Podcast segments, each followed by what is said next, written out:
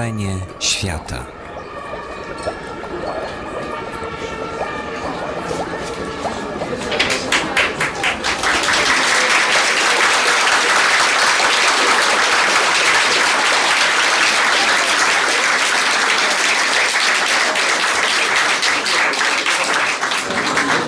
To ja na razie tak nieoficjalnie. Dobry wieczór Państwu. Witam bardzo serdecznie w miejscu, które nazywa się Faktyczny Dom Kultury. Jest takie miejsce może nazwane troszkę na wyrost, ale to jest taki alternatywny dom kultury. Zajmujemy się tutaj jako Fundacja Instytut Reportażu Literaturą Faktu, e, a więc reportażem, historią, biografiami, czasami wyświetlamy filmy dokumentalne.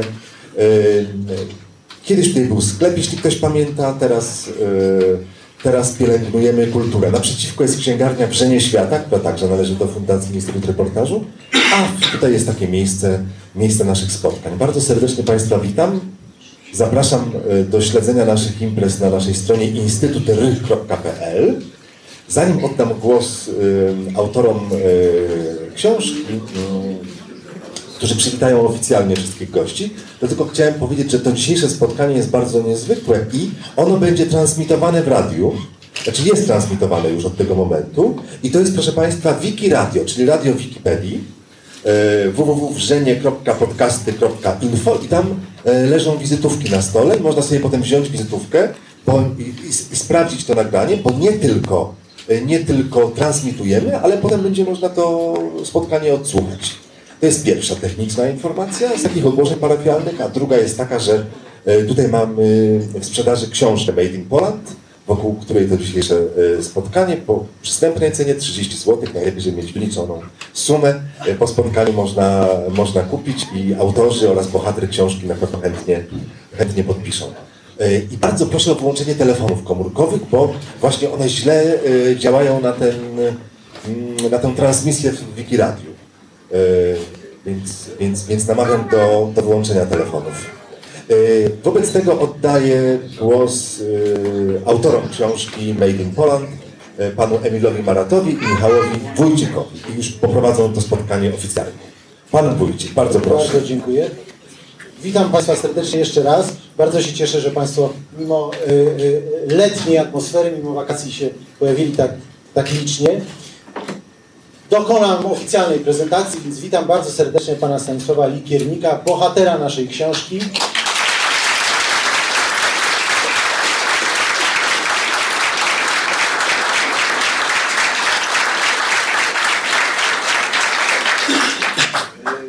Chciałbym również przywitać pana Stanisława Aronsona, y, przyjaciela pana Likiernika. Razem panowie chyba stanowią 100% Kedywu Warszawskiego, na pewno przed godziną W w 70. rocznicę powstania.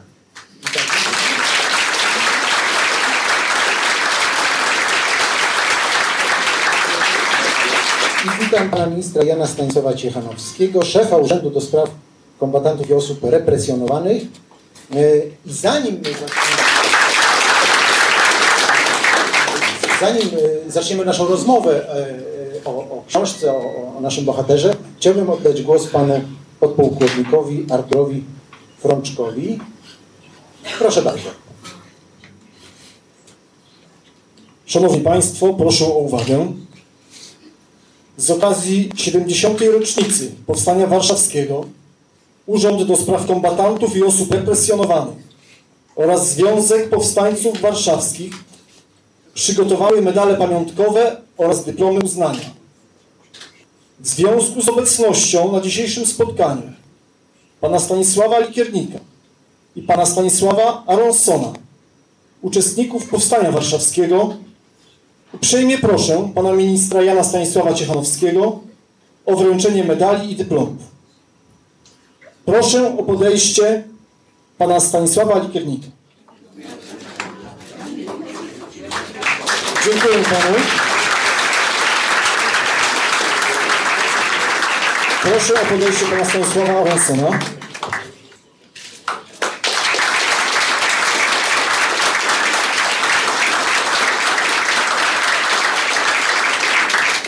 Szanowni Państwo, przede wszystkim droga młodzieży, przepraszamy za zakłócenie tej promocji, bo nie- pewnie tej części oficjalnej się nie spodziewaliście na początek, ale tak sobie pomyśleliśmy, że tych naszych dwóch wspaniałych bohaterów, panów pułkowników, dzisiaj moglibyśmy odznaczyć z okazji 70.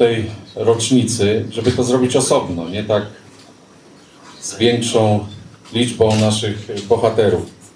To są wspaniali żołnierze KDW, wspaniali patrioci, ludzie, którzy przez całe życie walczyli i działali o to, co jest ważne dla nas wszystkich.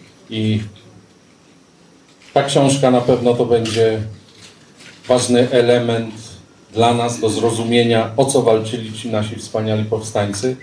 Tak samo jak kilka lat temu książka Rysiek z Kedywu taką rolę odegrała. Dziękuję jeszcze raz i miłej lektury. Dziękuję bardzo.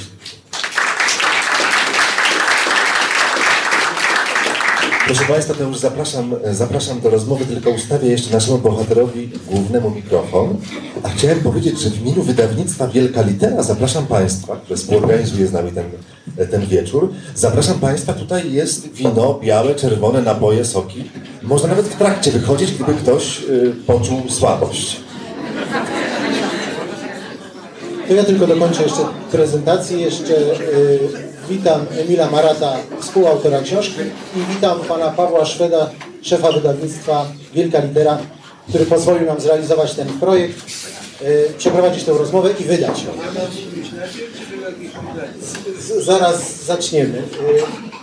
Y, może na początek, y, Panie Stanisławie, zanim porozmawiamy, bo ja mam kilka takich od razu z grubej rory pytań, może najpierw niech Emil powie, jak w ogóle doszło do tej książki, bo my żeśmy się pojawili u Pana w Paryżu tak, tak niespodziewanie trochę. Tak. Oni się pojawili i pomyśleli, że ja jestem cytryną, a nie człowiekiem. I mnie przez dwa tygodnie bez dwa pięknie wycisnęli jak cytrynę do, do, do końca. Także w tej mojej książce jest trochę czasami kwasno, kwasności, bo to, to, to tej cytryny właśnie. Ja teraz przyjechałem, ta skórka od cytryny przyjechała do Warszawy i teraz się znęcają nad tą skórką. Także, także to jest aż za dużo, bo dzisiaj miałem tuż dwie, dwie telewizje, dwie jakieś radia i tak dalej. I jeszcze jutro te uroczystości na Kedychowe i tak dalej. No mnie, ja powiedziałem w Paryżu, że ja przypuszczalnie nie wrócę z tego. Ale, ale może wrócę jednak, no zobaczymy. Jeszcze, jeszcze mam 3-4 dni do przetrzywania, no ale może przeżyję. No. W, w każdym razie oni mnie wymęczyli, ale zadawali pytania inteligentne. No i takie, takiej e, propagandy moich poprzednich książek to w ogóle nie było nic, absolutnie ani jednego artykułu w żadnej gazecie i tak dalej. A tu raptem telewizja, radio, jedno radio, drugie radio, trzecie radio, e, szał. Ja jeszcze taki, nigdy taki fetowany nie byłem, także trochę jestem zdziwiony, no ale przeżyję. Emil, no, y, ja może powiem, jak y, rzeczywiście jak to wyglądało. My y, istotnie siedzieliśmy na głowie panu Stakowi przez dwa tygodnie, e, bodajże dwa razy. E, Mieliśmy takie sesje, trochę ja porównywałem to do takich sesji, jak robią sobie zespoły rockowe, że zamykają się gdzieś w domu w górach i nagrywają płyty.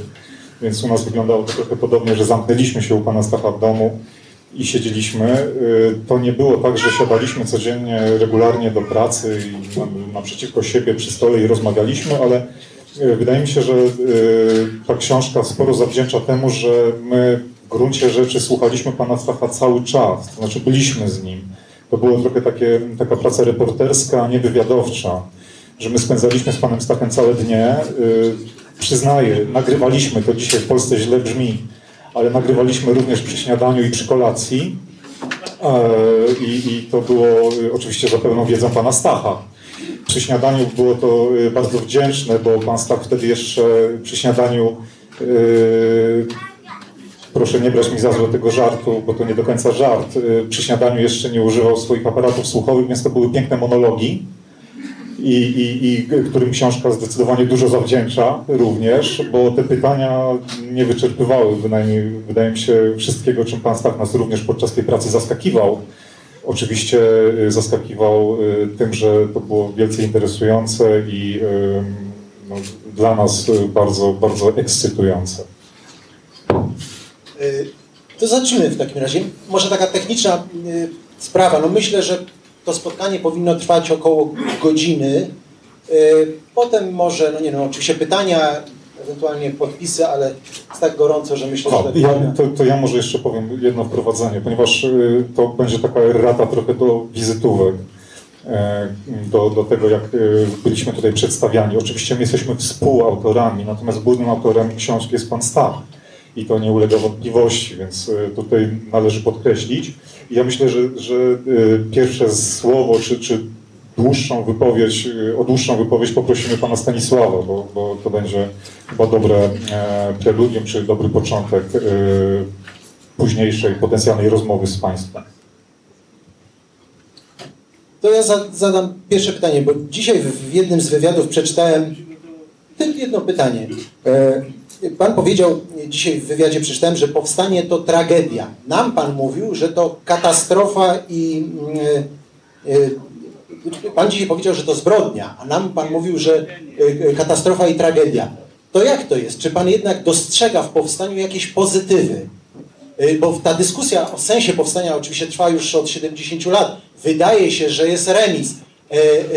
Pan z, z tej perspektywy paryskiej strzela bramkę, no kolejną bramkę. Jeżeli ja nigdy nie powiedziałem, że katastrofa, że nigdy nie powiedziałem, że zbrodnia jak jeden z ludzi, którzy ze mną rozmawiał przez Skype. Jeżeli zbrodnia to Stalina, ale, ale nie, nie nasza, bo zbrodnia to jest naumyślnie. Natomiast był błąd, dlatego że e, nie słuchano ludzi kompetentnych, jak Iranek Kosmecki, który powiedział, że przyszła dywizja Dasraj, że trzeba opóźnić początek powstania co najmniej o 8 dni. No a pan e, generał Monter bardzo się spieszył, żeby powstanie wybuchło, bo był szefem powstania, więc on się bał, że jakby się uniknęło powstania, to on nie będzie szefem, więc a on się przypuszczam, chciał być nowym no, Traugutem, może nie, bo Traugut też było przegrane powstanie, no ale, ale bardzo mu się spieszyło. No i na podstawie plotki wywołał powstanie 1 sierpnia, a, a nie posłuchano bardzo kompetentnego człowieka, jakim był Iranek Kosmecki, a pan Bóg też powiedział, że należy wywołać powstanie, jak Rosjanie będą w połowie Wisły, żeby nie mogli zawrócić swoich łodzi. No a niestety wywołano to powstanie 1 sierpnia i nawet jest podobno taka tablica komemoracyjna, gdzie ten pan Monter to podpisał. Ja, bardzo mnie to zdziwiło, ale ja bym takiej tablicy nie wieszał, no ale mniejsza o to. W każdym razie, w każdym razie ja nie wiem, czy trzeba było robić powstanie, bo było powiedziane, że nie będzie akcji burza w Warszawie, ale jestem przekonany, że gdyby Rowecki żył, to tej tragedii by nie było albo była inna. A, ale na pewno jest pewne, że, że było zrobione powstanie co najmniej o tydzień za wcześnie, bo Stalin mógł wtedy odwrócić kierunek swoich wojsk, mógł zmienić i jednocześnie e, dla Stalina Hitler robił brudną robotę, bo to był dalszy ciąg 1939 roku współpracy niemiecko-sowieckiej. Hitler mordował Polaków, Hitler zabijał najlepszą, najlepszą młodzież, Hitler niszczył Warszawę, a Stalin się przyglądał z przyjemnością, no bo zamiast, żeby on to miał robić, to robił za niego Hitler. To, to była dalszy ciąg współpracy z 1939 roku, tak ja uważam. Je- Więc jednym słowem, naturalnie nasi szefowie Burgomorowski no, nie potrafił się oprzeć tej na, naciskowi innych generałów, no i Okulickiego między innymi. No i uległ tym, jak, jak przyszedł do niego ten e, Iranek Ospęcki, powiedział, trzeba jeszcze to zatrzymać, jeszcze można to było zrobić, ale on powiedział, no już zdecydowałem, to już niech będzie. No i to nas kosztowało według mnie bardzo drogo, no bo te 20 tysięcy młodych ludzi, którzy zginęło, to oni potem Polsce brakowali. No, zostało to jeszcze drugie 20 tysięcy, z których duża część, nie powiem najlepszych, wyjechała za granicę, no bo, bo, bo, bo może być, takie, ale, ale nie, bardzo dużo wyjechało za granicę, i, no i dzisiaj siedzieli w więzieniach, mimo że siedzieli w więzieniach, to potrafili potem zostać profesorami uniwersytetu i tak dalej. Także to była wspaniała młodzież, która została no, niepotrzebnie zmarnowana. Taka jest moja opinia. A ja teraz, ponieważ mam wiek poważny, to ja się przestałem krępować i nie chcę, żeby mnie zlinczowano, więc jak jeden z dziennikarzy napisał, że powstanie było zbrodnią, to ja protestuję, bo ja nie powiedziałem, że było zbrodnią, bo zbrodnia to jest zrobiona naumyślnie. To nie była zbrodnia, to była pomyłka, to był błąd, to można to nazwać jak się chce, ale nie zbrodnią. Także to ja się protestuję, bo to było napisane w jakiejś gazecie, którą dzisiaj widziałem, bo to po, po, po Skype'ie, bo ja miałem co najmniej sześć Skype'ów w Paryżu i bardzo sympatycznych. E, Jeden Skype był bardzo bardzo przyjemny, bo to było z taką wirtualną Polską, a ta pani, która ze mną rozmawiała, no dla mnie ona jest wirtualna, ale tak, ja, ją, ja ją zapytałem, czy ona jest wirtualna, ona powiedziała, że jest prawdziwa. I bardzo, bardzo piękna pani, żeśmy rozmawiali dwie godziny, ja zapomniałem, że mam rendezvous u lekarza. Ale niestety jej dzisiaj nie ma, bo gdzieś na wakacjach. Dobrze, może, może jeszcze y, powiemy Panie Stanisławie, y, ponieważ zdecydowanie to Pan jest autorem y, tytułu książki Made in Poland. Dlaczego, dlaczego taki tytuł? To nie zupełnie ja, to jest ojciec mojej wnuczki, bo ja chciałem podkreślić, że te 23 lata w Polsce to był mój fundament. To jest, że, jest, że ja te przed 23 lata, mimo 68 lat we Francji, to, to ta baza, te, te fundamenty to są w Polsce. No ale jak mówię, zrobiony w Polsce, to trochę brzmi seksualnie. Gdzie zrobiony, jak to? Także ja, ja, ja to tłumaczyłem mojemu zięciowi, on mówi, a czemu nie made in Poland? Ja, ja nie lubię takich anglicyzmów, no ale z tym P Polski walczącej, no to jakoś przechodzi według mnie. I ja chciałem to podkreślić, że, że mimo 68 lat we Francji, to ja się nie nauczyłem pić wina, że no ja się czuję w dalszym ciągu Polakiem, że, że naturalnie mam wpływy francuskie, ale wina nie piję. E, foie gras polubiłem, ale, ale zro, zrobiłem kompromitację na moim ślubie. Jak powiedziałem, że to jest pasztet dobry, na zwykły pasztet, a foie gras to też dobre, ale myślałem, że mój przyszły teść, znaczy już był teściem, spadnie z krzesła. A jeszcze w dodatku, to tak jest dla zabawy, on przy, przyniósł butelkę wina z piwnicy, pełną kurzu, nalał ostrożnie te wino do szklanek. Ja wtedy chciałem być taki sympatyczny, wziąłem to wino.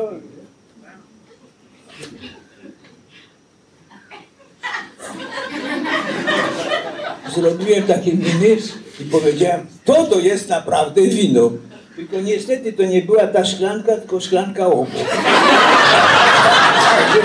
mój, mój, mój, mój teść mało nie spadł z krzesła i gdyby mógł anulować ten ślub, to by go anulował, ale już było za późno.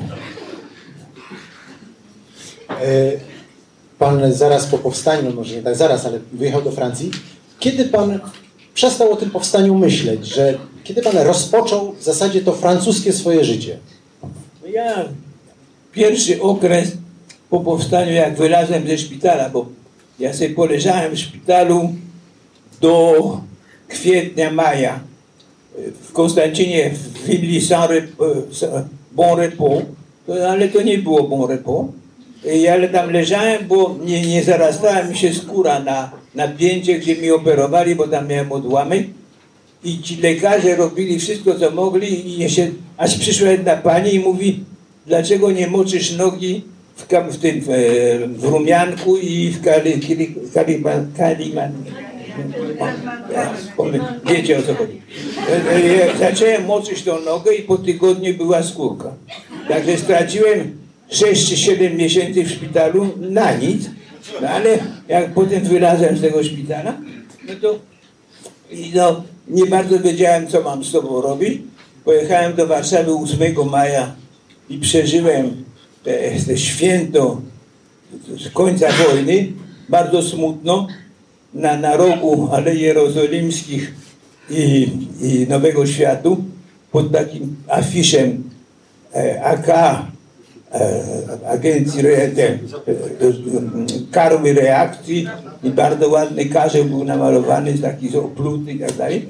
Także nie, ja jak oglądam te święta wspom- w Nowym Jorku, gdzie w ogóle nie, nie było wojny, w Londynie była wojna, jak to oglądam, to jestem zazdrosny, bo ja nie poczułem żadnej radości, bo, bo no, no, byłem faszystą raptem, zrobiłem się faszystą i byłem karłem reakcji, to był bardzo ładnie narysowany ten karzeł, bardzo realistycznie, ale nie było to przyjemne.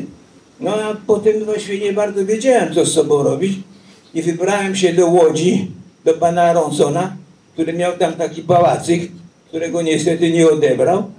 No i myśmy tam w tej, w tej piwnicy tego, tego pałacyku byli państwo rybińscy, by- była cała, cała taka kolekcja, był jego kuzyn, który był y, w wojsku, w wojsku angielskim i chodził w mundurze angielskim, był jedynym, jedynym żołnierzem w mundurze an- angielskim chodzącym po Łodzi wtedy.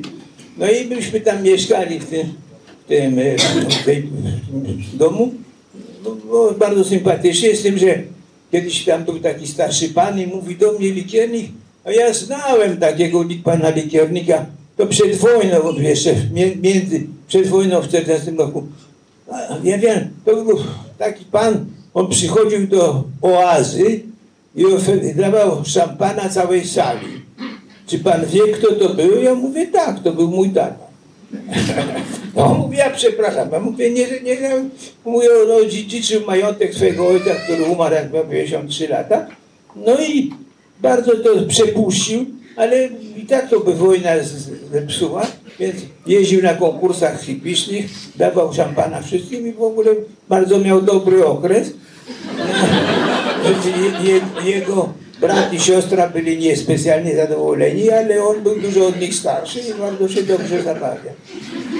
No, a potem, potem był na wojnie bardzo, bardzo dokładnie, bo między innymi przejechał konno w rosyjskim wojsku z Kaukazu do Harbina konno w zimie.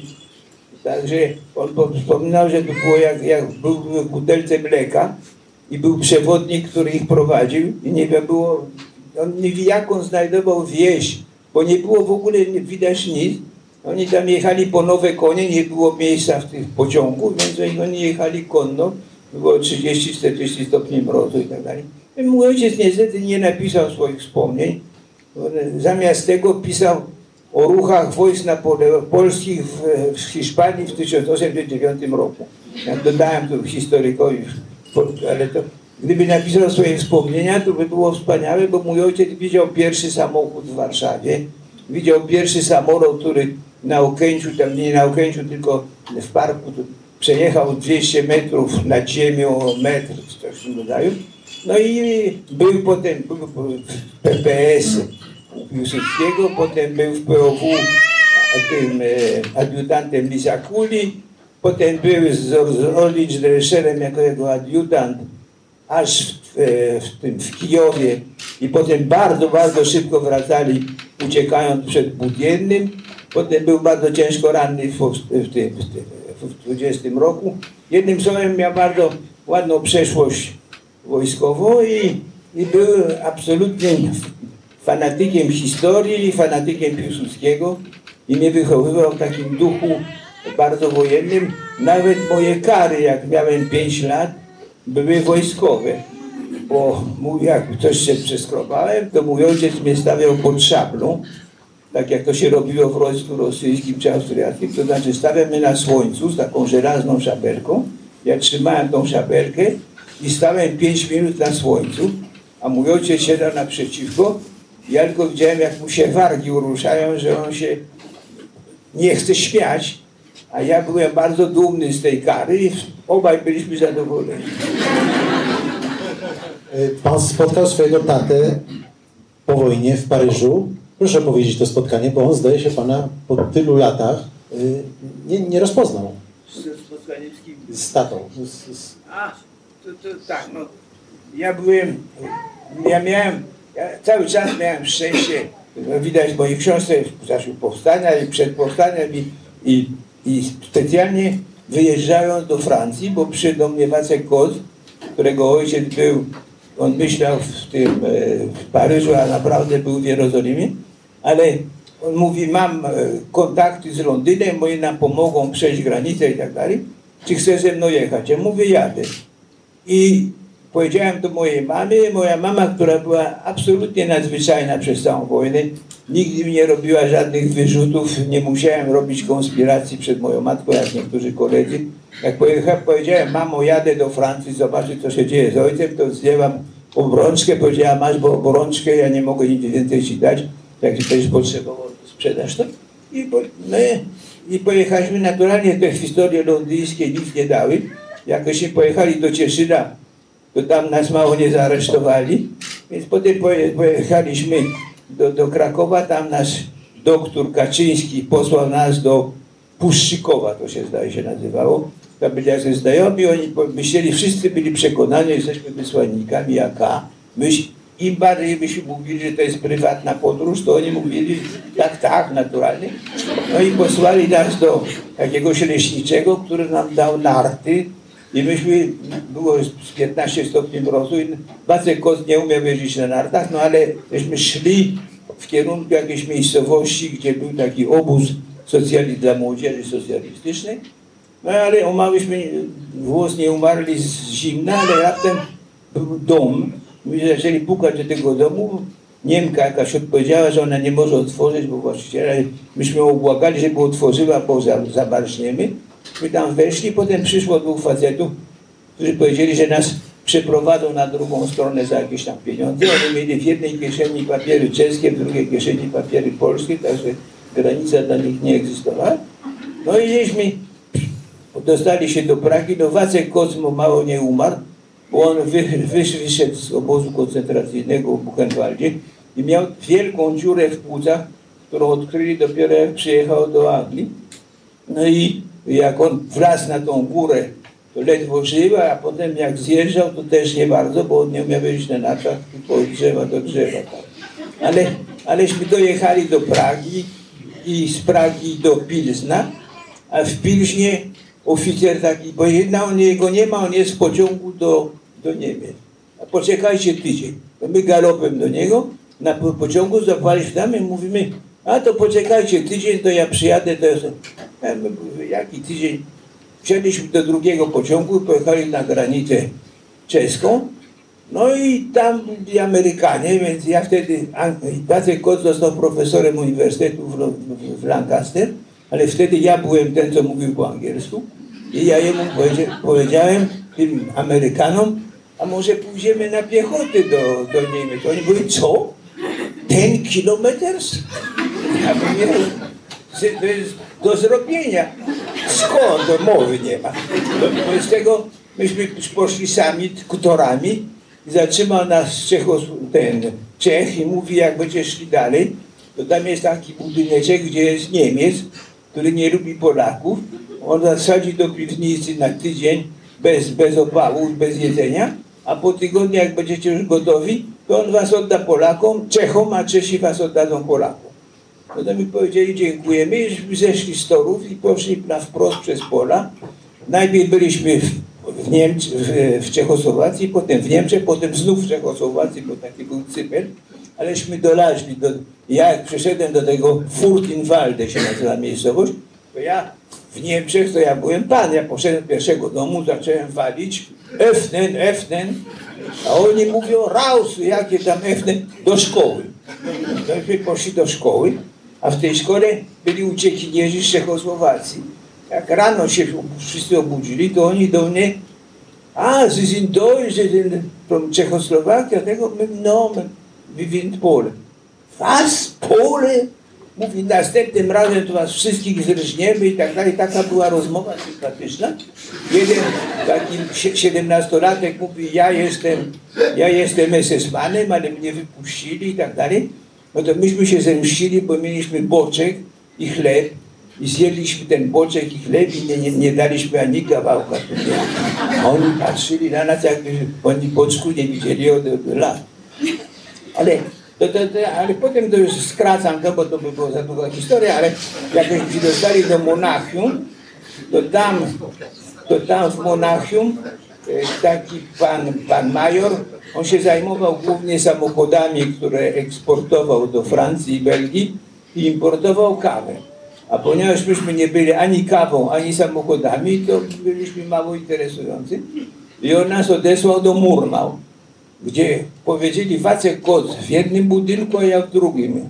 Bo ja jestem oficerem, a on nie. Ja mówię, "Za- to jest mój kumpel, to je... nie, nie, nie, niemożliwe. Się nie podoba.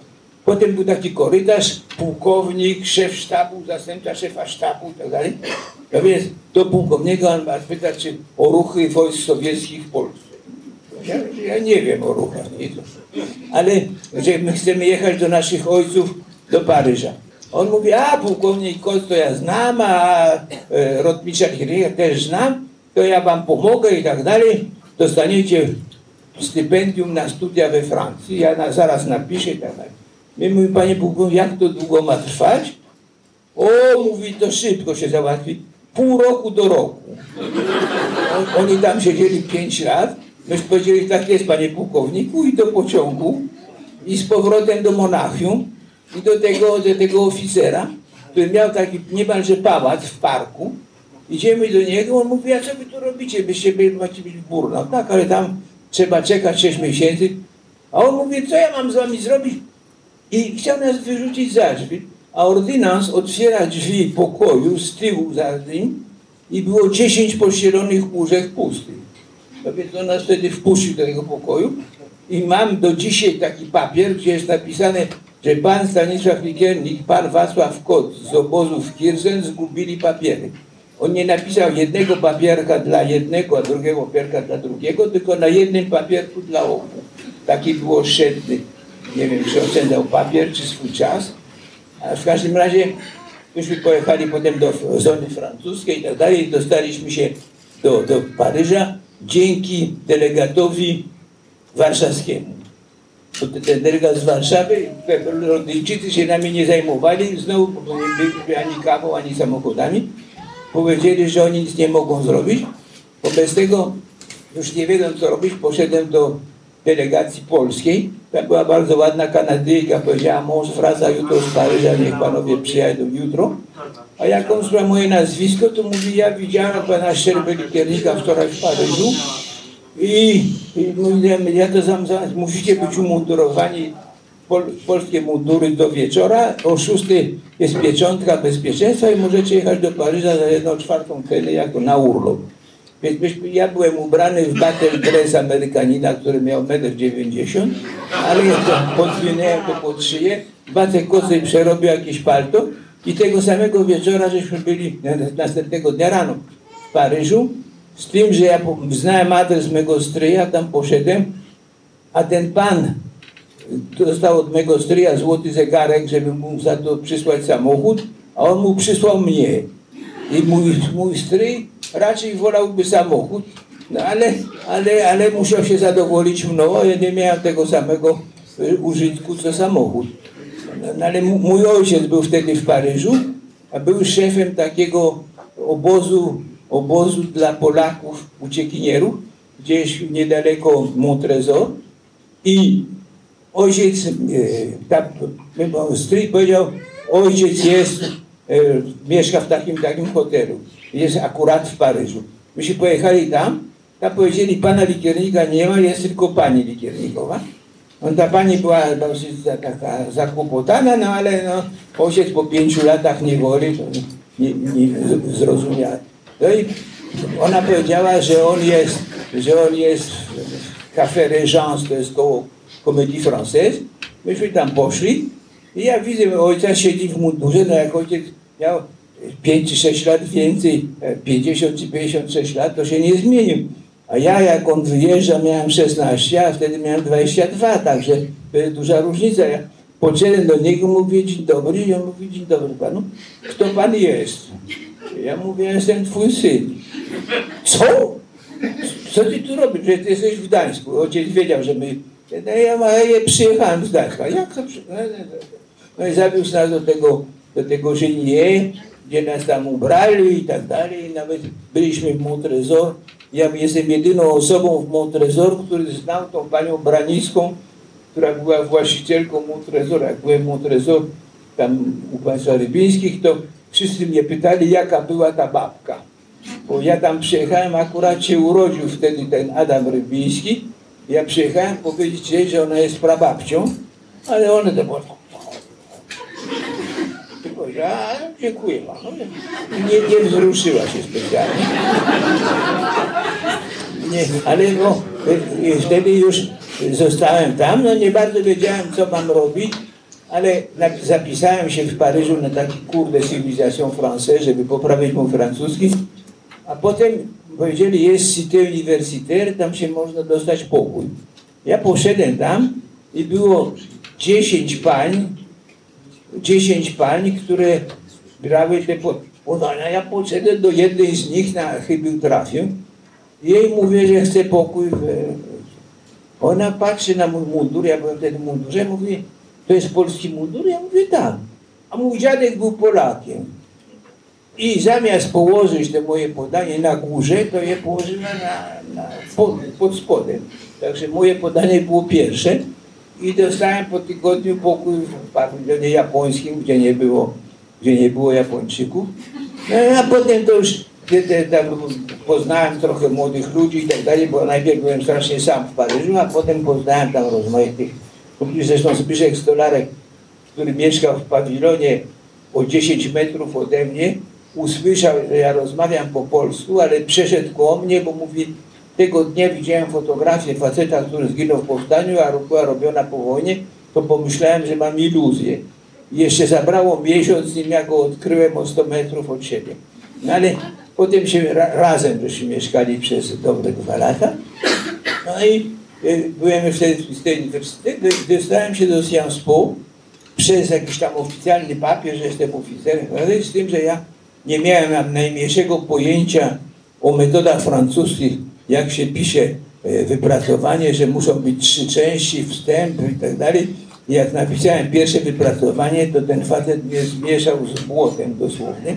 Powiedział, że nie ma wstępu, nie ma trzech części, nie ma tego, ale ja się mściłem, bo on był poza tym e, seminarium w Sciences Po, był szefem syndykatu małych, małych przedsiębiorstw. Ja, ja zawsze potem mówiłem, że on jest taki mały jak te przedsiębiorstwa. Ale Sami Państwo widzicie, jak wyglądało pisanie tej książki. Zadawaliśmy pytanie i otrzymywaliśmy totalną odyseję po wszystkich kontynentach, która mniej więcej kończyła się jakoś tam, gdzie zaczynaliśmy, ale my już nie pamiętaliśmy, o co żeśmy pytali. No i tak, tak no, nożyczki montaż, to była rzeczywiście nasza, nasza robota. Pan y, pięknie w książce opowiada o swojej mamie. Może kilka słów o kobietach. Kobietach y, w czasie okupacji i w powstaniu. jakim znaczeniu? To zależy od Pana. Najpierw mogę powiedzieć o kobietach bardzo negatywnie, jeśli chodzi o mnie, bo dla mnie przez dłuższy czas kobiety to były jak anioły. Nie miały absolutnie żadnych, żadnych, e, jak powiem, pociągów e, seksualnych. To były anioły, które trzeba było uwodzić. No a ja nie byłem taki zdolny, a, a dopiero dużo później się dowiedziałem, że tak nie jest, jak ja myślałem, ale, ale, ale dopiero, to zabrało trochę czasu. Ale teraz jestem innego zdania. Ale, ale e, no, co pan, co pan mnie pytał, że Łączniczki, no, sanitariuszki. e, e, byłem, byłem w tym Cité Universitaire, chodziłem na, na ten Sciences Po. Tam oni nie mieli pojęcia, coś było w Polsce w czasie wojny. Jedna z takich dziewcząt mówi mi, a czy, mama, czy pan ma swój ubiór regionalny ze sobą? Ja mówię, "A- Absolutnie. A potem, potem do mnie mówi, był bal Sciences mówi, taka bardzo dobrze wychowana panienka, czy pan przyjdzie na bal do Sciences? Ja mówię nie. A dlaczego? Bo jest napisane, że tenue de soirée. te Nidesłary, a ja nie mam, ja, ja naturalnie mam te Nidesłary, ale jest bardzo dużo młodych ludzi, którzy są biedni, którzy nie mają te Nidesłary, dlatego przez Solidarność ja nie przyjdę. Ona mówi, jak to pięknie z pana strony, babo. Skończyłem te Po, i, ale potem było bardzo trudno, dlatego, bo nie, nie, nie mogłem znaleźć pracy. Ja, pisałem kurikulum vitae tego wtedy, teraz uczą, a wtedy nie uczyli. Ja pisałem, że jestem oficerem polskiego wojska podziemnego i tak dalej. Jak to Francuzi dostawali, to wyrzucali do kosza, no bo jakiś tam wojskowy, to, to, to jakiś maniak wojskowy, to wyrzucali to do kosza. Ja napisałem taką, ja wiem, z 10 centymetrów tych podań, ale dostałem pracę przez znajomego, prawie nieznajomego, ale poszedłem, mówię, mówię, on mówi, ja mam znajomego, który ma firmę, może on pana zatrudni, on mnie zatrudnił.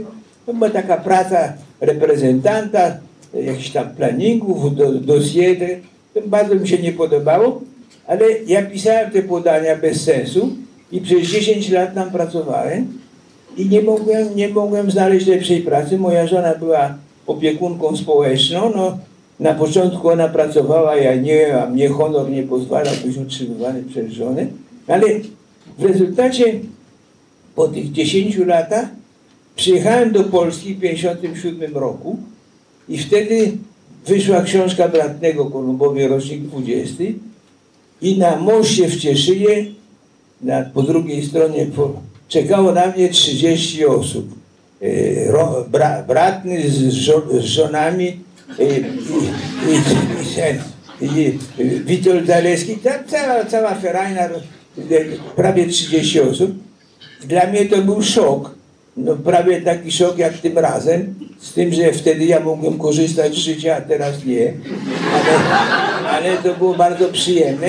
No i tak ja mówię, zaczęliśmy rozmawiać, oni tu rozmawiają, ja mówię, ale ostrożnie, nie przecież nie a teraz można wszystko mówić, nie ma żadnych, to był taki początek Gomułki, to można było, jeszcze ja miałem wtedy, wziąłem francuski paszport, żeby przyjechać do Polski, no i bardzo się dobrze odbyła ta, ta podróż, byłem bardzo, bardzo zadowolony i wróciłem do Paryża i powiedziałem mojej żonie, słuchaj, ja w Polsce byłem dla tych ludzi kimś, a tu ja jestem absolutnym zerem, no ja jestem absolutnie nikim. Jeżeli ja nie znajdę dobrej pracy, godnej mnie w ciągu trzech miesięcy, to jestem definitywnie kretynem. To bardzo ryzykowne. I ja dałem ogłoszenie w Bondzie, dwie linijki. Absolvent Sciences Experience de Planning. I dostałem odpowiedź, gdzie trzeba było odpowiedzieć na jakieś tam y, 80 czy 100 pytań, które sam siebie opisywałem. Trzeba było posłać fotografię i trzeba było posłać pismo. No i zrobili to analizę tego i te moje trzy opisy, mój własny i te dwa inne się pokrywały, a kandydat, który przysłał y, centrala Philipsa, był bardzo dobry, jak on sam siebie opisywał, a bardzo zły w dwóch innych. Wobec tego mnie wezwali tam i mnie zaangażowali i z dnia na dzień z takiego reprezentanta zostałem zastępcą dyrektora fabryki, e, do, gdzie było tysiąc osób e, z, kategorią z, podchorążego, nie, z, z kaprala. Zostałem raptem pułkownikiem. Także to nie pierwszy raz zostałem. Proszę Państwa, my możemy zadawać Panu Stanisławowi dużo pytań, bo bardzo to lubimy, ale może oddamy głos Państwu. Może y, interesuje Państwa coś, czego na przykład w książce nie było, a chętnie chcielibyście zapytać. Bardzo prosimy. Pytania. Tak. Ale pan mi musi tłumaczyć pytania, bo ich nie słyszę. Chyba, że będę słyszał. Bez mikrofonu, tak? Ja może przedstawię. Nie pamiętam. To momencik, chwileczkę.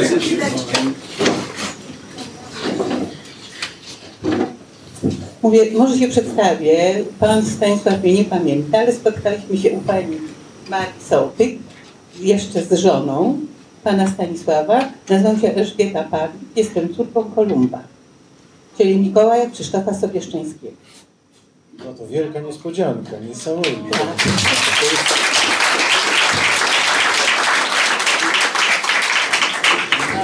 Pana Kurdy. Tak, to, to, to był Krzysztofa Sobieszczańskiego. Krzysztofa Sobieszańskiego, pseudonim Kolumb. Nie, bo, bo ja przez telefon ostatnio rozmawiałem z córką pana Kurdy, który był moim pierwszym szefem. A,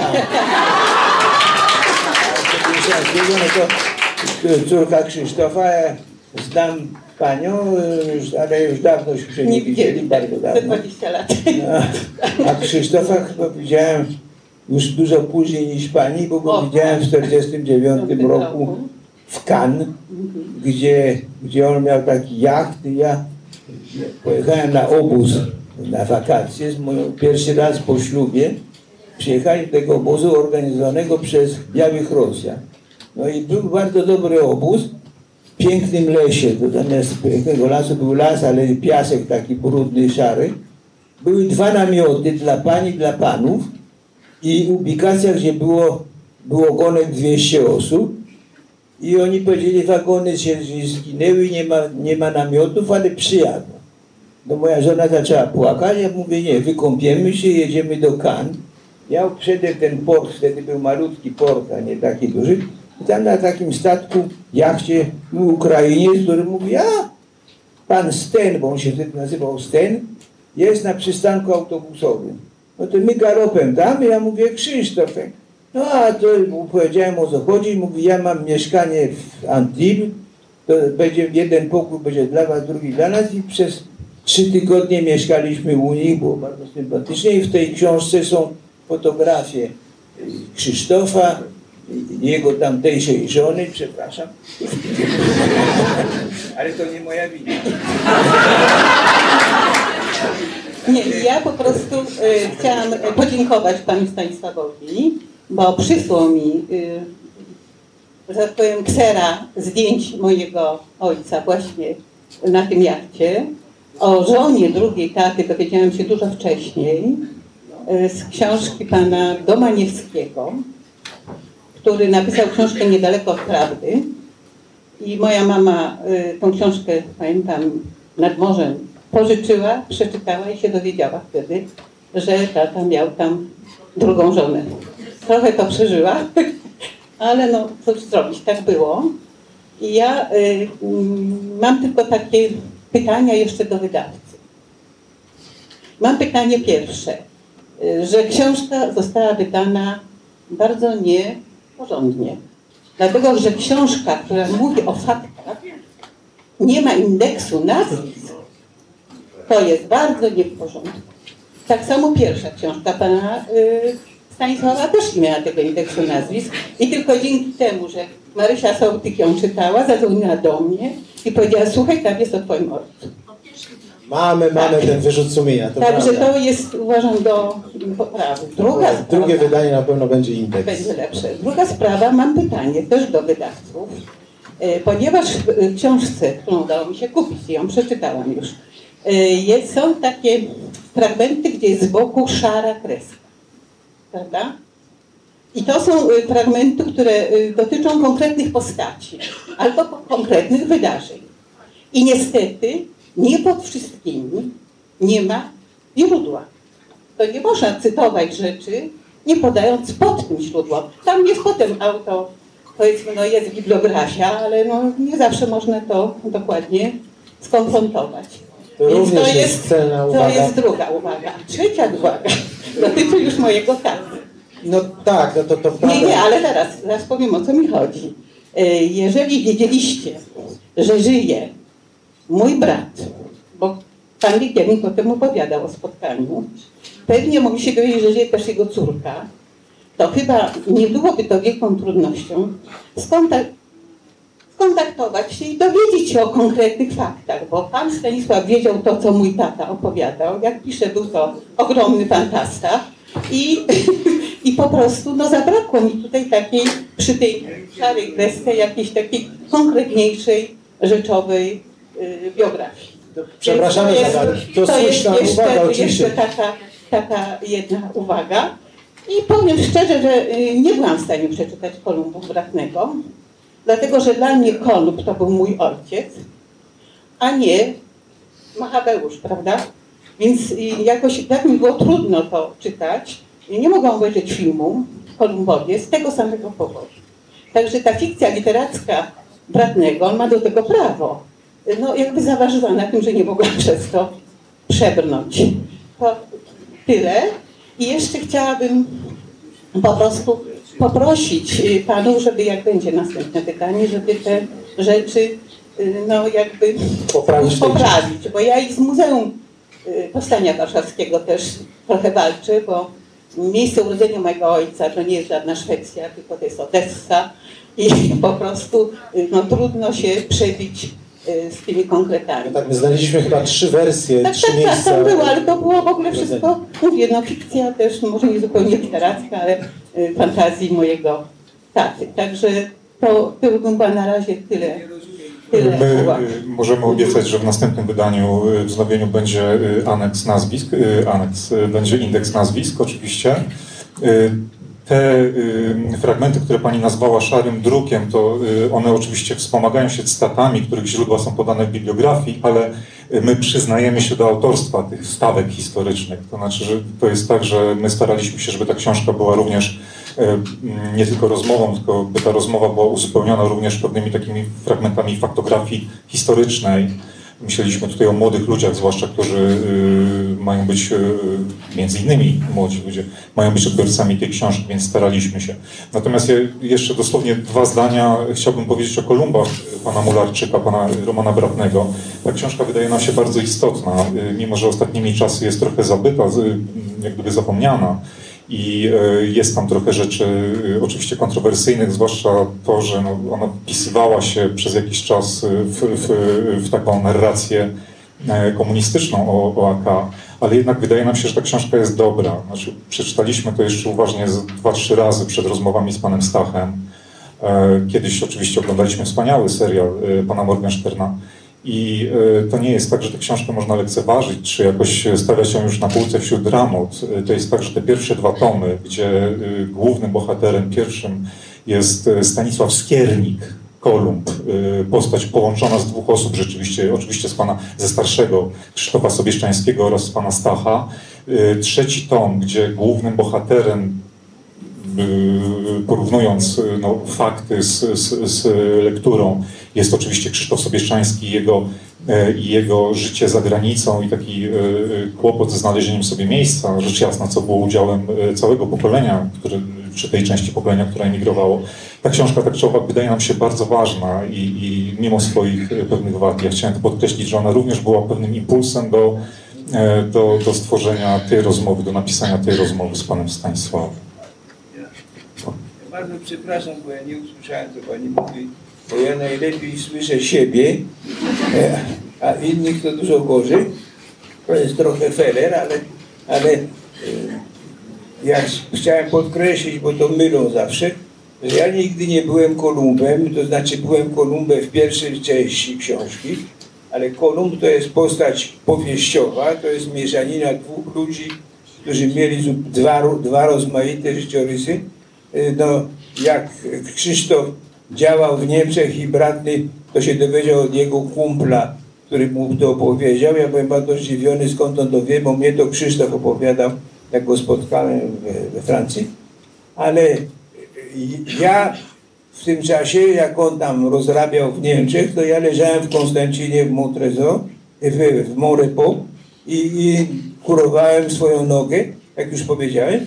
Także to były dwie różne osoby, z których bratny zrobił jedno, to jest prawą, prawem posi- powieściopisarza. Jak mnie identyfikują z Kolumbem, to ja się nie zgadzam, no bo ja nigdy tym Kolumbem naprawdę nie byłem, a Kolumb to był sobie szczęście. Prosimy o pytania.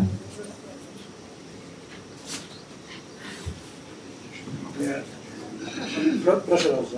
Ja powiem, powiem tak, nie, wiem- nie wiem, czy tutaj jest, bo do mnie dzwoniła do Paryża pani, która się nazywa pani Gurda. I pani Gurda do mnie dzwoniła i to była, jest córka mojego pierwszego szefa Waka, który był kuzynem Wacka Koca, bo Wacek Koc miał dużo kuzynów.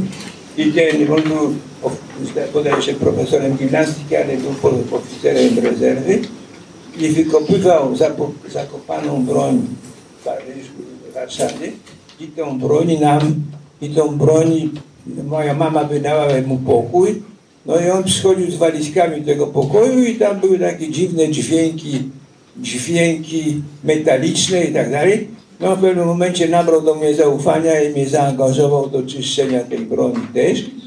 No i e, najpierwsza, ta, najpierwsza moja akcja bojowa to było, jak on mnie posłał do jednej bardzo, bardzo ładnej, bardzo ładnej pani, która była jego żoną, ale tego nie wiedziałem.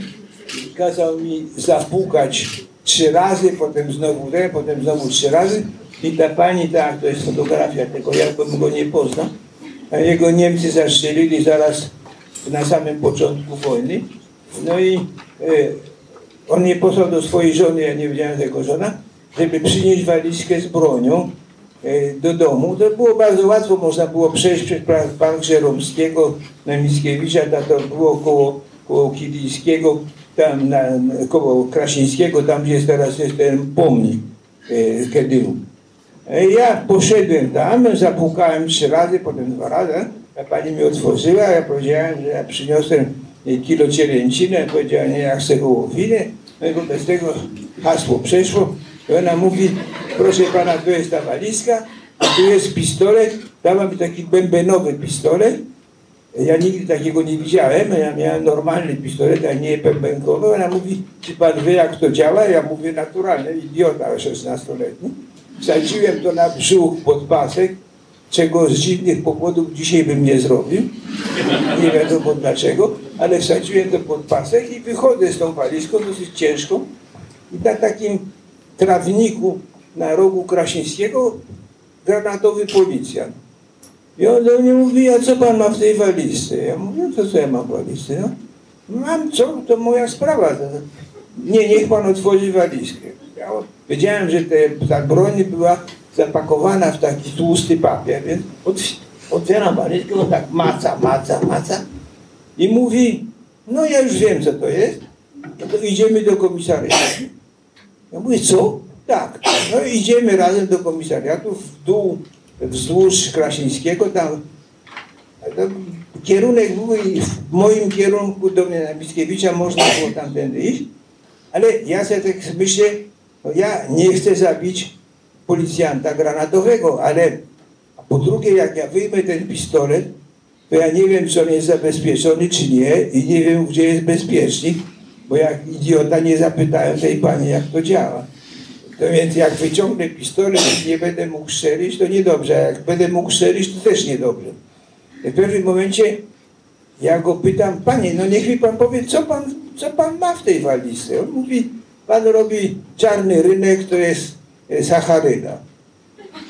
A, myśmy się zatrzymali na rogu, tam gdzie trzeba było na prawo iść do komisariatu, a na lewo na Mickiewicza 27. Ja się zatrzymałem, wziąłem go za guzik od munduru i mówię, proszę pana, ja naprawdę panu nie radę, nie radzę schłodzić herbatki tą sacharyną. Naprawdę. On mówi, o pan dziwny. O ja mówię, ja dziwny. On mówi, a ma pan pieniądze? Ja miałem 5 złotych, bo nic. Ale dałem mu te 5 złotych, a on zrozumiał, że nie te i mnie puścił. No ja wróciłem do domu, zaniosłem tą broń i tego panu kurdzie temu nic nie powiedziałem, bo mówię, on będzie niezadowolony, że ja ten. Także udało mi się uratować tą broń i, wrócić do domu bez szwanku. Także to była pierwsza taka akcja, a miałem takiego pana, który się nazywa pan Artysiewicz i zawsze o nim mówię, bo to jest dla mnie wspaniała postać. To był człowiek, który mieszkał na Woli, pracował w rusznikarni, bo był rusznikarzem zawodowym, pracował w rusznikarni niemieckiej, dlatego, bo Niemcy mu zabili 17, 17-letniego syna, jak tylko weszli tam gdzieś w Poznańskie. On dostał się do tej rusznikarni I co dzień wynosił, a to kule, a to broń, a to kawałki, kawałki pistoletów. I to trwało, jak była jakaś bardzo taka skrajna rewizja, to on wsiadł na autostop jakiegoś niemieckiego faceta, którego znał i przejechał. W każdym razie jadł suche kartofle. Nie, niedzielski y, szef y, AK na Żoliborzu chciał mu dawać jakieś pieniądze, on powiedział, że on nie chce żadnych pieniędzy. Jak ja do niego przyszedłem i opowiedziałem mu tą historię, to on mówi, ja pana odprowadzę. No i mnie tak odprowadza, odprowadza. No i w pewnym momencie wyjmuje z kieszeni wspaniałe, nowusieńkie parabellum Lugera, pistolet i mówi, masz w prezencie ode mnie ten pistolet. No ja miałem ten pistolet do, do powstania, dopiero w czasie powstania, jak byłem ranny, to da, dałem ją bratnemu zresztą, bo on jeszcze działał, a ja już nie potrzebowałem pistoletu. Także to, nie, nie, chyba dosyć.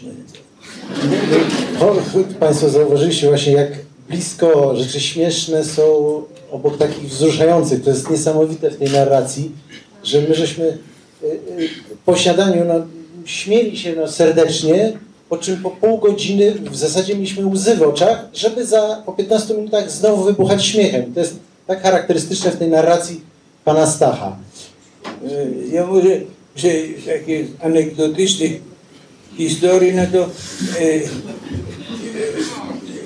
e, już teraz nie. Powiedzmy na pytanie z sali. Słucham? Może odpowiemy na jakieś pytanie z sali. Dobrze, lepiej pytanie. Prosimy jeszcze pytanie. No, ja bym chciał przede wszystkim gorąco serdecznie podziękować za tą książkę, którą panowie we trzej napisali. W szczególności, no oczywiście głównemu autorowi, ale również panom, dlatego że zdaję sobie sprawę, że pisanie, napisanie tego rodzaju książki przy tego rodzaju barwnej osobie i sposobie narracji anegdotycznej jest bardzo trudne. Więc pan, panom się również należy ten pokłon. Y, To jest raz. Przepraszam, przepraszam, y, mnie nie przeszkadzało to, że nie było indeksu, bo książkę przeczytałem w ciągu 6 godzin, a potem jeszcze raz. Y, y, y, Powstaniem, powstaniem warszawskim, ja jestem prawnikiem, ale powstaniem warszawskim praktycznie od ósmego roku życia się interesowałem. Żeby od razu było, była jasność. Mój ojciec, znaczy inaczej, mój dziadek był oficerem dwójki przedwojennej, natomiast ojciec był nauczycielem z Kresów i cała moja rodzina została wywieziona na Syberię, wróciła stamtąd. W związku z tym y, to o tym mówię dlatego, że ja jestem oczywiście, y, mm, e, jeżeli mam e, o powstaniu powiedzieć, bo anegdoty są dobre, ale myślę, że również spotkaliśmy się w tym celu, żeby y, powiedzieć może coś o samym powstaniu i o decyzjach. To jest trudny temat, oczywiście zdaję sobie sprawę z tego. Ja jestem po stronie pana y, Likernika oczywiście. I nie tylko. Andersa, różnych innych postaci, które, y, które w tej materii zabierały głos i których głos był ważny.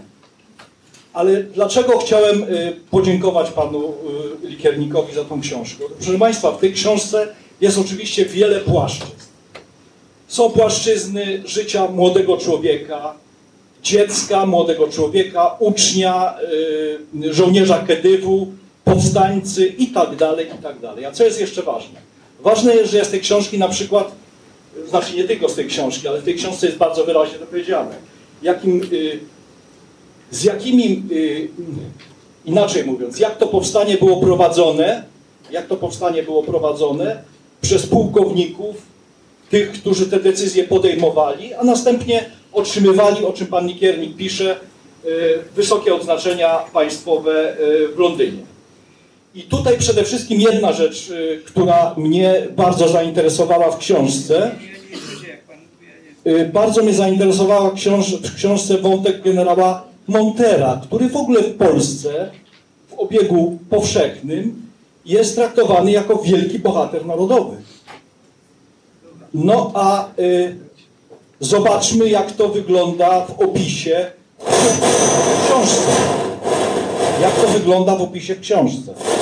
Mianowicie tam nie, nie po- pokazana jest również płaszczyzna nie tej głównej decyzji, ale również kwestia prosta dowodzenia. Więc proszę Państwa, ja oczywiście na tym zamykam, bo to można by na ten temat, y, na inne tematy również rozmawiać, ale książka jest niezmiernie bogata właśnie w tego rodzaju perspektywy. Perspektywy polityki wielkiej, tej, która jest podejmowana w Londynie, która jest podejmowana w Warszawie przez y, wielkich y, szefów Komendy Głównej AK, przez delegata rządu polskiego Jankowskiego, który tutaj y, w książce też, panowie to przytaczacie, y, że w pewnym momencie mówi, że nie mamy broni, prawda? Bo Sztanin mówi, nie mamy broni, a on mówi, y, zdobędziemy tą broń. Więc proszę Państwa, trochę więcej namysłu, rozsądku i ta, ta książka jest właśnie absolutnym tego przykładem. A na zakończenie powiem tyle, że miałem wśród, w swoim środowisku ludzi, którzy absolutnie uważali, że powstanie musiało wy, wybuchnąć, bo jakby nie, wybuch, jakby nie było decyzji, to y, żołnierze sami by po prostu nie wiem co zrobili. No poszli i zdobywali Stany. Zapytajmy o to pana Stanisława. Dobra, ale kończę, kończę, bo jeszcze je- jeden element, mały jeden element, jedno zdanie. Mianowicie y, miałem wielu przyjaciół, którzy byli po drugiej stronie barykady, w sensie y, decyzji powstania i tak dalej. Po przeczytaniu tej książki, co powiem oczywiście, że namówiłem do tego, żeby kupili tą książkę i przeczytali, powiedzieli, powiedzieli mi tak, wiesz co, chyba ty masz trochę racji, zainteresujemy się tym, co Likiernik w swojej książce y, powiedział. Dziękuję serdecznie za ten długi, może no, dłuższą wypowiedź. Bardzo dziękujemy za, za dobre słowa o książce. Ja chciałbym powiedzieć jeszcze y, dosłownie dwa zdania, ponieważ y, książka oczywiście miała etap autoryzacji i wtedy, kiedy my przesłaliśmy panu Stachowi y, maszynopis czy, czy wydruk, pan Stach konsultował pewne sprawy z przyjaciółmi, czy pytał ich, czy można tak powiedzieć, czy to, no nie tyle, czy to prawda, tylko czy to, y, czy to jest wypada. dobrze ujęte, tak. I, I ja chciałbym podziękować też w naszym imieniu za pewne wsparcie merytoryczne w duszy pana Stacha, również e, jego przyjaciołom, e, panu Stanisławowi Aronsonowi, panu Andrzejowi Mularczykowi, również profesorowi Szarocie, bo to było ważne takie, że, że ta autoryzacja nie oznaczała jakiegoś mocnego cięcia tekstu. To była również zasługa e, tych panów, do których pan Stach dzwonił, e, z tego co wiem, e, e, na, na, e, na etapie autoryzacji tekstu. Panie, jak pan mnie wywołał, można trzy zdania powiedzieć? Ja, e, panie Stanisławie, e, bardzo krótko będę mówił. E, e, Ja książki nie znam, natomiast przeczytałem w gazecie wyborczej e, wywiad z panem. I w tym wywiadzie, się źle czujemy. Proszę usiąść, bo źle się czujemy, kiedy pan stoi. Innymi słowy, powiem o co mi chodzi. E, Rzecz dotyczy oceny decyzji powstania. E, Ja jestem autorem takiego tekstu, mało zresztą znanego, który się nazywa Powstanie Warszawskie jako odwet za lata okupacji. W tym y, sformułowaniu jest dużo prawdy, ale ja ciągle wahałem się, czy mam prawo tak powiedzieć. I z pana wywiadu, który był opublikowany w Gazecie Wyborczej, przeczytałem pewne zdanie, które dla mnie było niesłychanie ważne i cenne. Otóż pan nie potrzebował, że tak powiem, mieć odwetu za lata okupacji, ponieważ pan należał do elity polskiego ruchu oporu i wy, żołnierze KDW, wiele miesięcy przed powstaniem, a nawet od lat, walczyliście z Niemcami i wyście ten odwet robili na bieżąco, pan, w pana wypadku od 1942 roku. Natomiast wyście byli rzeczywiście elitą. Natomiast bardzo wielu innych, którzy nie, nie strzelali do Niemców, czekali wreszcie na ten moment, kiedy zaczną móc strzelać. Ten, ta moja teza o y, powstaniu warszawskim jako odwecie za tamte tak, pokazuje także niesamowity entuzjazm ludności cywilnej w pierwszych dniach powstania. Oni wszyscy szaleli z radości, że wreszcie przyszedł dzień zapłaty, że wreszcie przychodzi wolność. Oczywiście Pan ma świętą rację, że decyzja była nierozważna, że była wielką tragedią. To wszystko prawda.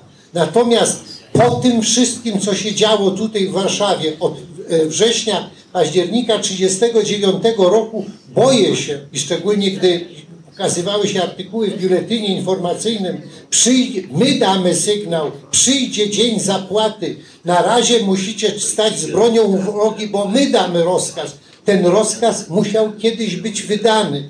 I, inna interpretacja jest taka, że jeżeli by nie dali tego rozkazu, y, żo- do- dowództwa Armii Krajowej, daliby komuniści, jest to bardzo prawdopodobne. Czyli krótko mówiąc, była to sytuacja niesłychanie skomplikowana i to ciągle daje do... Chcę, żeby Pan sobie też uświadomił.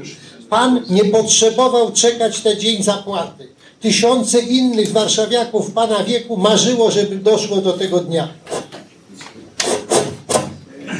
Pan, mnie, pan profesor mnie ubiegł, bo ja właśnie chciałem to powiedzieć, że myśmy się wyżywali przed powstaniem, natomiast cała masa ludzi czekała na to powstanie, bo przygotowywała to powstanie i przygotowywała się, robiła jakieś ćwiczenia, podchorążówki i tak dalej, i tak dalej. Ale mimo wszystko nasi szefowie powinni byli być odpowiedzialni, mimo, mimo tego, że ci ludzie byli sprawdzeni działania i tak dalej, to szef jest odpowiedzialny za to, co się dzieje z jego ludźmi. Jak myśmy zaatakowali stawki 1 sierpnia, to następnego dnia przyszedł oddział, który miał nam przyjść z pomocą. To się nazywał e, oddział kawalerii. No oni naturalnie przyszli bez koni, ale i bez broni. Znaczy, że, że nie mieli koni, to ja rozumiałem, ale że nie mieli nawet jednego, jednego pistoletu, no to myśmy ich odesłali, no co, co myśmy mieli z nimi robić, no. To oni przyszli, no bo, bo oni kazali iść na staw. I były cały szereg tego rodzaju sytuacji, gdzie ludzie byli po, po, po prostu bezbronni i, mieli walczyć. Ten, ten, ten Okulicki powiedział, broń się bierze na nieprzyjacielu. No to łatwo powiedzieć. No były butelki z benzyną do, przeciwko czołgom i tak dalej. E, Ludzie byli bardzo bohaterscy tak dalej. Jak posyłali profesor Ciechanowski, Jan Ciechanowski napisał według mnie najlepszą książkę o powstaniu i on, on atakował bunker ich było coś siedmiu czy ośmiu chłopaków 16-letnich atakowali bunkier. No, jemu się udało przeżyć, a innych zabili. No, to, to, to, to był bezsens. No. A, a jeszcze trochę przed powstaniem część broni została wysłana do lasu, bo nikt nie wierzył, że będzie te powstanie, bo sytuacja była Ja, nie wiem, czy ja już powiedziałem, czy nie, ale dwa dni przed powstaniem przyszedł do mnie bratny, nazywał się wtedy Roman Murarczyk i mówi do mnie, słuchaj Stasiek, jak będzie powstanie, to się Rosjanie zatrzymają i Stalin poczeka, aż nas Niemcy wykończą. To ja mówię, Roman, ty to wiesz, ja to wiem, to przecież nie może być powstanie bez jakiejś koordynacji z Rosjanami. To były naiwni, że jakaś koordynacja jest możliwa, no ale bez koordynacji to nie miało sensu. A drugi detal, mnie przed samym powstaniem powiedzieli, słuchaj, po zwycięskim powstaniu oddział Kedywu wraca na Gomułki 16, tam gdzie była nasza bylina, rozbieracie się z mundurów, ubieracie się w cywilne ubrania i wkładacie broń do skrytki, kta? jesteście oddziałem dyspozycyjnym e, konspiracji przeciwko Sowietom. Ja to, ja to wiedziałem, miałem 21 lat i będąc na poziomie zastępcy szefa plutonu. To Ja przypuszczam, że NKWD też to wiedziało. No więc jak, jak to... Ja, byłem bardzo roz, niezadowolony, bo ja liczyłem na to, że jak będę w mundurze i para- paradował po zwycięskim powstaniu, to będę się podobał paniom, ale to było główne rozczarowanie. Ale to, że te, tego rodzaju rozkaz był na tak niskim poziomie znany, no to na pewno NKWD zna, znało ten rozkaz równie dobrze jak ja.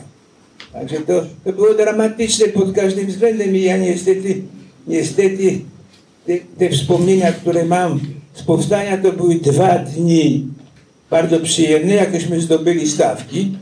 Zabiliśmy dziewięciu SS-manów, uwolniliśmy 50 Żydów, którzy byli z gęsiówki, którzy tam pracowali, którzy byli lekarze, rozmaici byli, ale no, głównie z Salonii. Potem jeden z tych lekarz i mój przyjaciel, który zginął w powstaniu piekarskim, radzili nad moimi plecami, które się nie goiły, ale nie mieli wspólnego języka, więc rozmawiali nade mną po łacinie. To był jedyny wspólny język, jaki oni mieli, to była łacina. Więc radzi- radzili, nie, nie dużo uradzili, ale w każdym razie no, potem ci ludzie się rozeszli po, po, po Starym Mieście. Nie wiem dokładnie, co się z nimi potem stało, ale to było bardzo przyjemne, a potem druga przyjemność, to jakbyśmy położyli te panterki zrobiło się wojsko, te pan, i z tymi pan, posłali nas na wolę, to jest znowu inny rozdział, posłali nas na wolę zdobywać szkołę, nie szkołę, szkołę, w której była żandarmeria niemiecka. No i myśmy szli przed fabryką fajfrów, gdzie ja pracowałem przez rok na takim, a potem fajfrowie, panowie fajfrowie, bardzo przyjaciele mojego ojca, zostawili mi te papiery y, w archgarbarni i ja miałem papiery, a byłem już tylko w AK i nic innego nie robiłem. I jak przychodziłem, no to, to robotnicy nie mogli pójść do domu.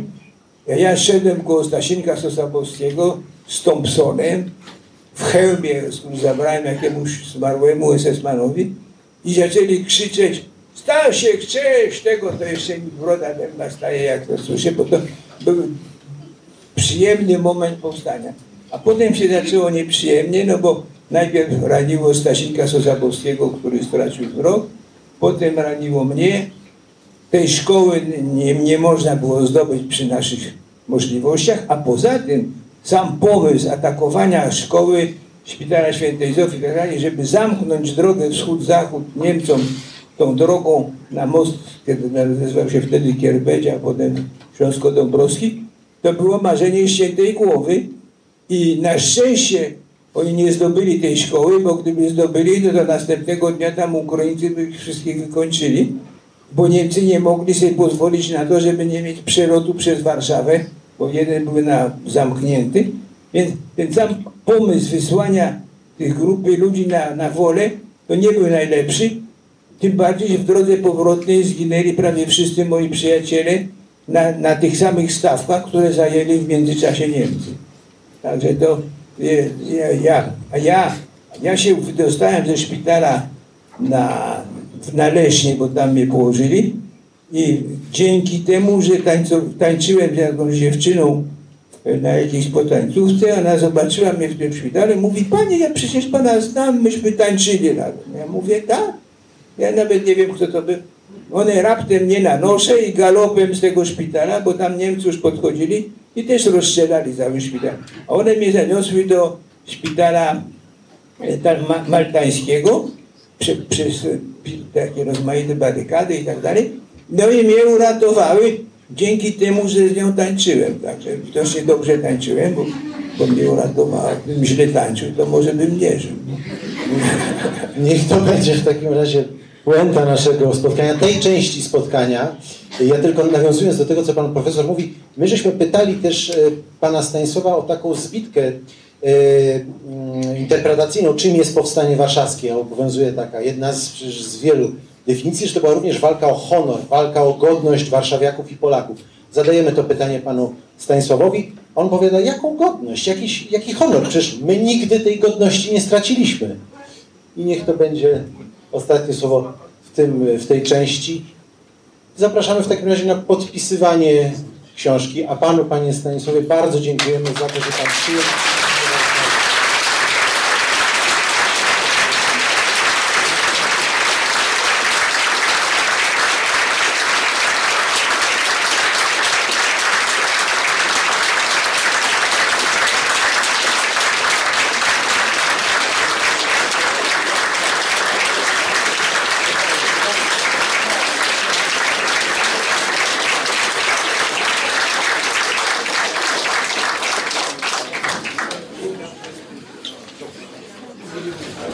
Fundacja Instytut Reportażu zaprasza do swojej księgarni z literaturą faktu i kawą Wrzenie Świata na ulicy Gałczyńskiego 7 w Warszawie. Wejście przez bramy Nowy Świat 48 i Nowy Świat 52.